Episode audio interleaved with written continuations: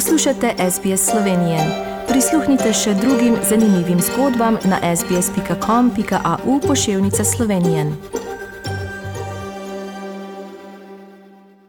Pozdravljene, spoštovane in spoštovani. Poglejmo, kako se je teden odvil v Sloveniji. Nova vlada Roberta Goloba se že sooča z neusmiljeno draginjo. Vlada je razgrnila prve ukrepe. Cene pogonskih goriv bodo od torka dalje pri nas ponovno regulirane. Zdaj so bile sklepi Janševe vlade za nekaj časa celo zamrznjene, zaradi česar pa so trgovci z nafto državi že začeli pošiljati enormne zahtevke za odškodnine zaradi poslovne škode. Izjava premijeja. Sem, da se boste zavedali dimenzije problema. V slabih dveh mesecih se je nabralo teh zahtevkov za 150 milijonov. Če bi s tem nadaljevali, bi to pomenilo 800 milijonov iz proračuna, kar je več, kot potrebujemo za celotno dolgotrajno oskrbo vseh prebivalcev Slovenije in je tak model v celoti neuzdržen. Robert Golop je ta teden tudi prvič obiskal Bruselj. Sestal se je s predsednico Evropske komisije Ursula von der Leyen. Glavne teme pogovorov so bile pomoč Ukrajini, ki se sooča z rusko agresijo, in tudi namera, da se Ukrajino priključi Evropski uniji. Zdaj lahko govorim kar v imenu vlade Republike Slovenije, ki je tudi podprla uh, dva dni nazaj enako pozitivno kandidaturo uh, za Ukrajino. In da, uh, smo veseli, da je tudi Evropska komisija se odločila enako podobno uh, in bomo tudi zagovarjali to stališče prihodnji teden uh, na svetu. Mislim, da je to pomembno politično sporočilo Ukrajini in je prav, ker si to Ukrajinke in Ukrajinci zaslužijo.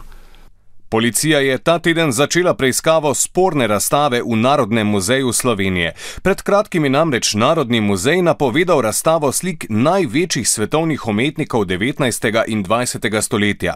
Na koncu se je izkazalo, da gre za ponaredke. Zaradi okrnitve ugleda naše najstarejše muzejske institucije posebnega pomena je pretekli teden odstopil njen direktor Pavel Car.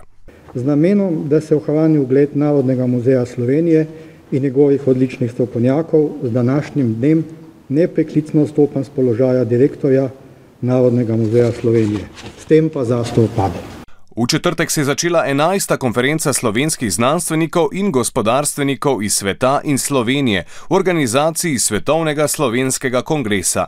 Zbrane so nagovorili trije ministri, ki so izpostavili pomen delitve znanja slovencev iz tujine. Kot so povdarili, mora beg možganov zamenjati kroženje možganov.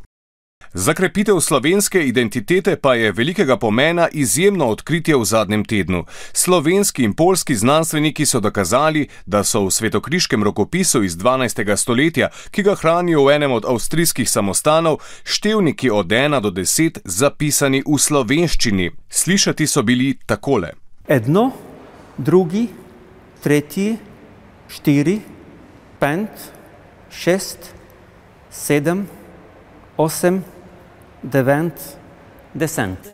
Rokopis je po odkritju drugi najstarejši zapis slovenščine po brižinskih spomenikih. Vsaka taka najdba človeka preseneti in uh, ga razveseli, ne? ker pravzaprav vidiš, da je uh, slovenščina nekoč res uh, bila kar velik evropski jezik.